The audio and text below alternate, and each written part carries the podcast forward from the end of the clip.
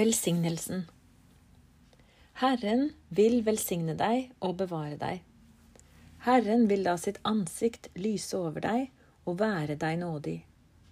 Herren vil løfte sitt ansikt mot deg og gi deg fred. Her leste vi velsignelsen i Fjerde Mosebok 6, 23-26.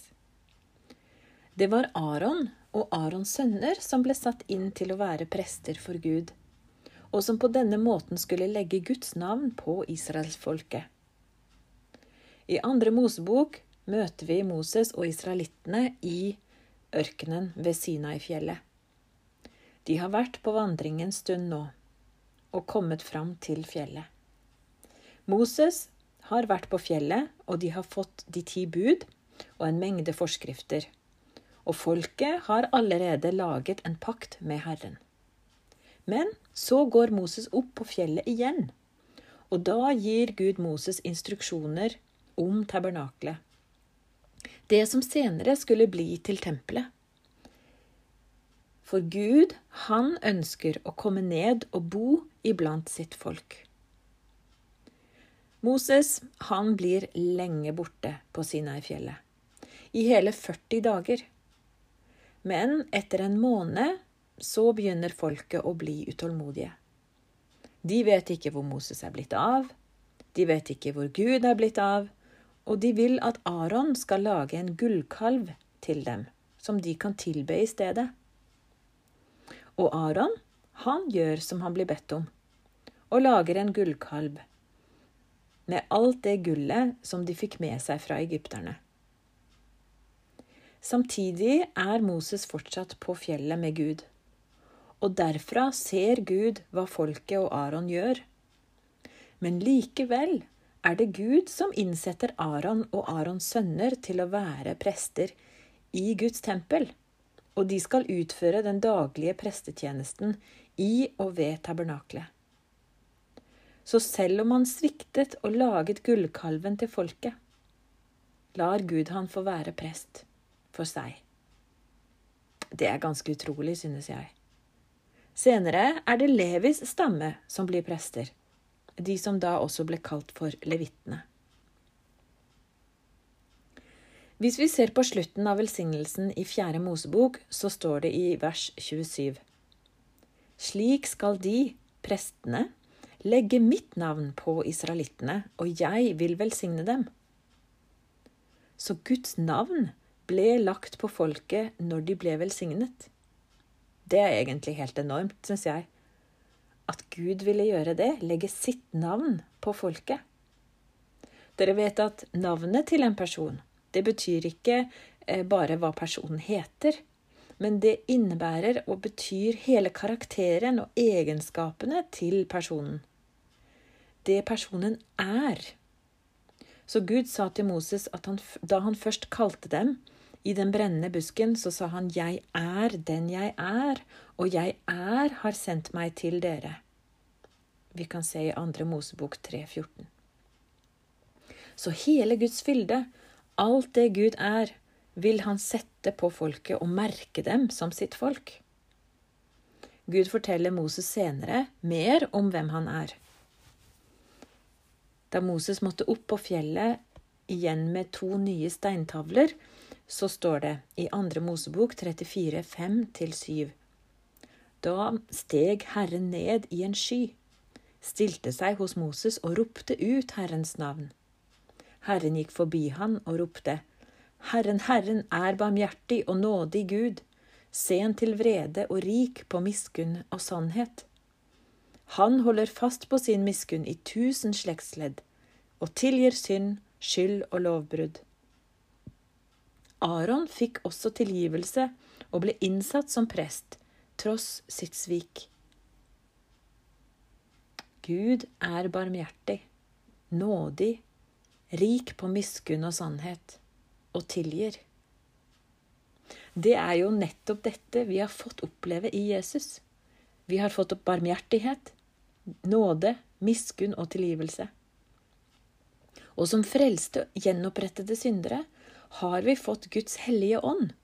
Det er jo Gud selv, som merke og pant i våre hjerter, på den arven vi har fått i og gjennom Jesus. Efeserne 1, 3-5 sier Velsignet er Gud, vår Herre Jesu Kristi Far, Han som i Kristus har velsignet oss med all åndens velsignelse i himmelen.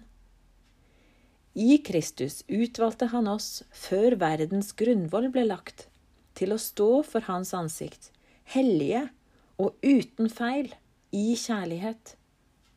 Og etter sin egen gode vilje avgjorde Han på forhånd at vi skulle få rett til å være Hans barn ved Jesus Kristus. Wow, det er stort. For israelittene i ørkenen hadde velsignelsen fra Gud et litt annerledes innhold enn det som vår oversettelse har klart å gjengi i dag. For hva betyr det egentlig å bli velsignet? I grunnteksten på hebraisk står verbene i sterk bydeform. Det betyr at det står 'Herren vil velsigne deg', og 'Herren vil bevare deg'. Det hebraiske verbet 'barach', som vi oversetter med 'å velsigne', betyr faktisk å knele og vise respekt og gi en gave. Så den konkrete meningen bak 'Herren vil velsigne deg' er at Herren kneler i respekt og gir deg en gave av stor verdi.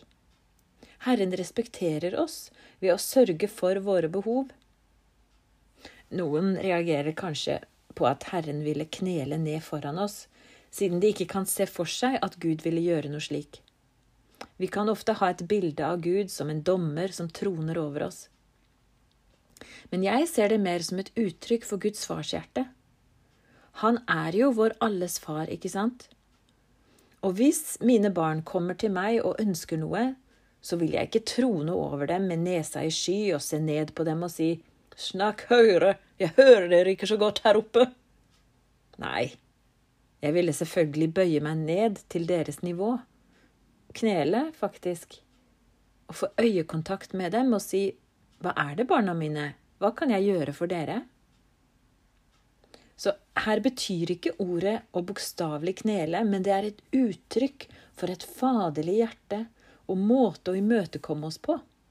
For Herren, han ønsker å komme ned og bo iblant sitt folk. Herren ønsker å komme til oss. Herren vil velsigne deg og bevare deg. Israelittene var et nomadefolk. De hadde dyr å passe på, og det var ikke uvanlig at en gjeter var ute med dyreflokken også om natten. Og da bygget han en innhegning av tornebusker rundt dyrene. Og selv ville han stå, sitte eller ligge i døråpningen og passe på dem. Det hebraiske ordet shamar betyr beskytte eller bevare. Og det hebraiske ordet for torn er shamir altså direkte knyttet til ordet å bevare. Så i velsignelsen er det denne beskyttelsen det siktes til. Herren vil bevare oss med en tornehekk av beskyttelse rundt oss. Herren vil la sitt ansikt lyse over deg. Det hebraiske ordet panim betyr ansikt, og det indikerer nærvær eller helhetlige tilstedeværelse til en person. Å lyse er det hebraiske ordet ord, altså or, som betyr lys. Men som verb så betyr det å gi lys eller å skinne. Og det forstås som å gi orden, på en slik måte som lys gir orden og avslører det som har vært mørkt. Så vi kan forstå denne setningen som at Herren vil gi lys til helheten av sitt nærvær mot deg og gi deg orden. Lys og orden. Og være deg nådig. De fleste teologer vil definere nåde som ubetinget favør. Men dette er igjen et abstrakt ord, og hebraisk det er et grunnleggende konkret språk. Det hebraiske ordet for nåde her i velsignelsen er hanan. som blir sammenlignet med andre hebraiske ord som betyr helbredelse, hjelp, å bli løftet opp, finne tilflukt, styrke og trygghet. Fra et konkret hebraisk perspektiv betyr dette verbet å gi ly, å finne beskyttelse, vern. Men hvor løper man da når man er i ørkenen for å finne ly? Jo, selvsagt, man løper til teltleiren. Til leiren, som på hebraisk er hana. Et ord som er relatert til hanan, nåde. Herren vil løfte sine øyne på deg og gi deg fred. Å gi er på hebraisk sim, som betyr å sette ned på en bestemt og arrangert plass. Gi deg fred. Når vi hører ordet fred, så tenker vi fort på fravær av krig og uro. Men det hebraiske ordet for fred er shalom, som har en mye større mening. Roten av dette ordet er shalam, som blir brukt i forbindelse med restitusjon, å gjenreise og kompensere for noe som er tapt. Verbet shalom betyr å gjøre helt og fullkomment. Så substantivet shalom har den konkrete mening som en tilstand av helhet, fullkommenhet, uten noen mangler. Eller som en klok teolog en gang sa, eh, shalom er Ingen god ting er holdt tilbake. Hvis vi setter dette sammen, så blir den hebraiske forståelsen av velsignelsen som de fikk i ørkenen, noe slik som dette. Jehova, JHV, vil knele foran deg og gi deg gaver, og vil beskytte deg med en hekk av beskyttelse, en tornehekk av beskyttelse. Jehova, eller Herren, vil opplyse helheten av sin person mot deg og gi deg orden. Og han vil gi deg ly og beskyttelse. Herren vil løfte opp hele sitt nærvær og se på deg. Og han vil sette på plass alt du trenger for å være hel og fullkommen. Det er ganske voldsomt hva denne velsignelsen egentlig inneholder fra hebraisk perspektiv. Og det gir oss også en viss idé om hva det vil si å være velsignet av Gud. Det er også viktig å se at det var en sterke betingelser knyttet til Guds velsignelse over israelittene og våre, liv. I Mosebøkene står det mye om dette, og det er viktig at vi ikke glemmer det når vi snakker om velsignelse. I femte Mosebok holder Moses en lang tale til folket, med ord og instruksjoner han har fått fra Gud. Han sier, femte Mosebok 11, 26-28. Se, i dag legger jeg fram for dere velsignelse og forbannelse. Velsignelse dersom dere adlyder budene fra Herren deres Gud, som jeg gir dere i dag. Forbannelse dersom dere ikke adlyder budene fra Herren deres Gud, men bøyer av fra den veien jeg i dag byr dere å gå, og følger andre guder som dere ikke kjenner. 5. Mosebok 28, 1-14. Der fortsetter han med hva velsignelsen inneholder. Hvis du nå vil adlyde Herren din Guds røst og trofast følge alle hans bud som jeg gir deg i dag, da skal Herren din Gud sette deg høyt over alle folkeslag på jorden, og alle disse velsignelsene skal komme over deg og nå deg, så sant du er lydig mot Herren din Gud. Velsignet er du i byen, og velsignet ute på marken. Velsignet er frukten av ditt morsliv, frukten av din åkerjord og frukten av din buskap, avkommet av ditt storfre og tilveksten til ditt småfe. Velsignet er din kurv og ditt bakstetrau. Velsignet er du når du går inn, og velsignet er du når du går ut. Når fiender angriper deg, skal Herren gjøre det slik at du beseirer dem. Om de kommer mot deg på én vei, skal de flykte for deg på sju.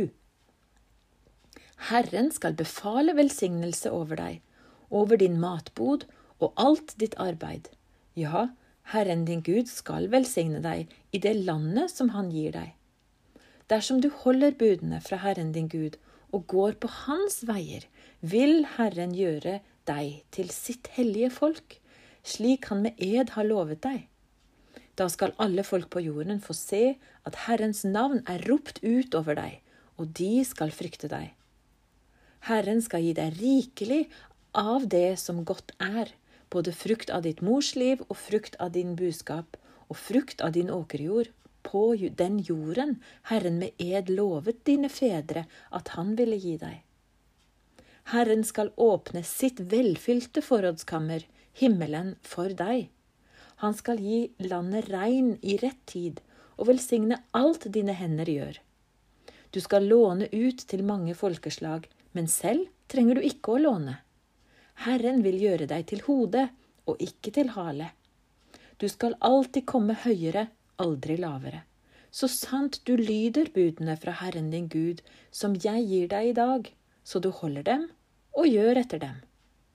Du skal ikke vike av fra noen av de budene jeg gir deg i dag, verken til høyre eller til venstre, og ikke følge andre guder og ikke dyrke dem. Velsignelsen fra Gud er altså knyttet til vår lydighet mot Gud og mot Guds ord. Da har vi løftet om at det vil gå oss godt hvis vi er lydige og følger det Gud har sagt. Det gjaldt i den gamle pakt, og det gjelder også i den nye pakt vi har fått i Jesus. Når jeg studerte dette med velsignelse og hvordan israelittene forsto innholdet i velsignelsen fra Gud, ja, så minner det meg om alt det vi allerede har fått i Jesus Kristus. Jesus, han var jo offerlammet som døde for oss, og han gav oss direkte adgang til Gud, og alt det han er, og alt det han har. Vi kan lese i Efeserne 2, 4-10. Men Gud er rik på barmhjertighet. Fordi han elsket oss med en så stor kjærlighet, gjorde han oss levende med Kristus, vi som var døde på grunn av våre misgjerninger. Av nåde er dere frelst.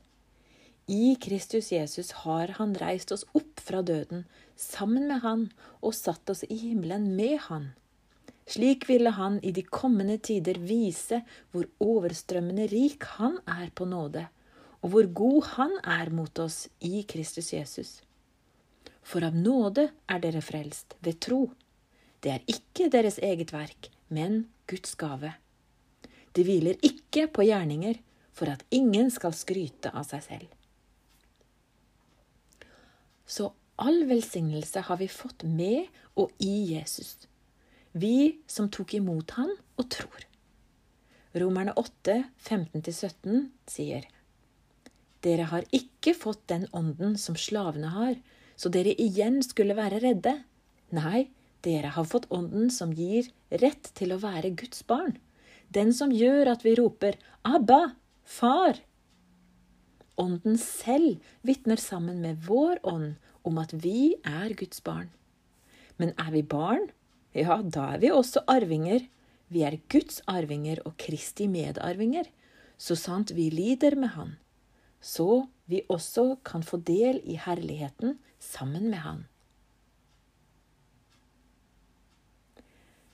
Det var de innsatte prestene i Israel som skulle velsigne folket. Og på samme måte er alle vi som tror, også satt inn som et hellig presteskap for Gud. Dette er en tjeneste vi alle har fått fordi vi er Guds barn. I 1. Peter 2,9 står det Men dere er en utvalgt slekt, et kongelig presteskap, et hellig folk, et folk som Gud har vunnet for at dere skal forkynne Hans storverk, Han som kalte dere fra mørket og inn i sitt underfulle lys. Åpenbaringen 1.56 Jesus Kristus elsker oss og har fridd oss fra våre synder med sitt blod. Og han har gjort oss til et kongerike, til prester for Gud, sin far. Med disse versene forstår vi at vi som er frelst, har fått Den hellige ånd og er nevnt eller merket med Guds navn. Vi har fått del i guddommelig natur, og derfor er vi et hellig folk. Og hver enkelt av oss er hellige prester for Gud. Og så har jeg lurt på, men hvorfor? Hvorfor har vi fått en slik enorm velsignelse fra Gud? Vi er Guds barn, vi hører Han til, og vi vokser mer lik ham hver dag, så sant vi følger Guds ord og bud, og lar oss lede av Den hellige ånd som bor i oss. Jesus sa i Matteus 5, 43-45. Dere har hørt det er sagt, du skal elske din neste og hate din fiende. Men jeg sier dere, elsk deres fiender, velsign den som forbanner dere, gjør godt mot den som hater dere, og be for dem som mishandler dere og forfølger dere. Slik skal dere være barn av deres far i himmelen. For han lar sin sol gå opp over onde og gode, og lar det regne over rettferdige og urettferdige. Om dere elsker dem som elsker dere, er det noe å lønne dere for. Oi, velsign, elsk, gjør godt, be for.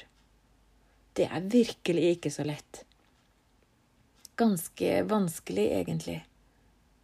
Men samtidig hvordan kan jeg være barn av min himmelske Far om jeg fortsatt holder fast på urett?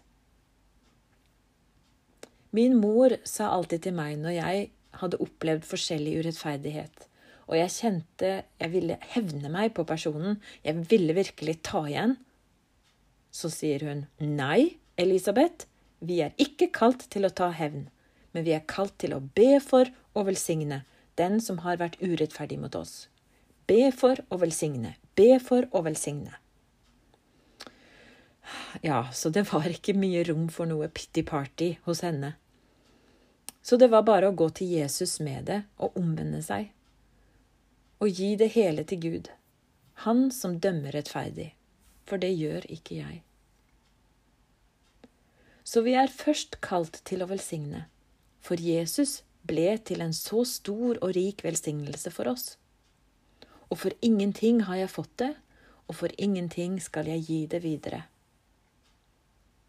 Også Paulus skrev i Romerne 12, 14. Velsign den som forfølger dere, velsign og forbann ikke. Også Jakob sier det. Av samme munn går det ut velsignelse og forbannelse. Mine brødre og søstre, det må ikke være slik. I Jakob 3, 10. Fra dette så forstår jeg at det betyr virkelig noe hva jeg sier. Det er ikke likegyldig de ordene jeg sier, det være seg velsignelse eller forbannelse, og det er en kraft i ord når jeg taler det ut i tro. På samme måte som Gud taler sitt ord i tro, og det skjer. Han bød, og det sto der. Gud taler om det som ikke er til, som om det var til, og vi ser det skjer. Vi er jo barn av vår Far i himmelen, og vi strever jo hele tiden etter å bli lik Han, og være og gjøre samme som Han. Vi kan også proklamere Guds ord, proklamere sannheten, på samme måte som Gud gjør. Og når vi gjør det i tro, så går vi i krig mot løgnen og tankebygninger og festningsverk som har reist seg mot Gud og mot sannheten i Guds ord. Mot hvem Gud er og mot hvem vi er i Kristus. Spørsmål som Hva har Gud virkelig sagt? Hva sier Guds ord om deg? Når vi reiser oss mot løgnen og proklamerer sannheten, så må løgnen falle. For Gud er god. Gud er for deg. Gud er med deg. Herren vil velsigne deg og bevare deg. Herren vil være deg nådig. Herren vil gi deg fred. Og vi er kalt til å velsigne og til å være en velsignelse for andre. til å elske dem, be for dem, velsigne dem og gjøre godt mot dem. Vi har fått alt det Jesus har. Vi har fått alt det, og vi skal gi det videre. Vi er ikke bare velsignet for vår egen del, for at vi skal ha det godt og være utrustet, men for at vi skal velsigne også vår fiende, hvis vi har noen.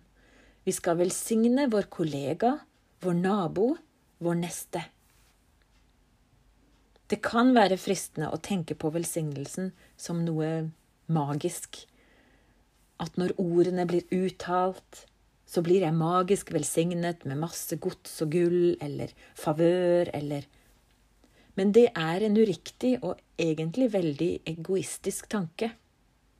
Det betyr ikke at Gud ikke ønsker at vi skal ha det godt, men din motivasjon må være rett.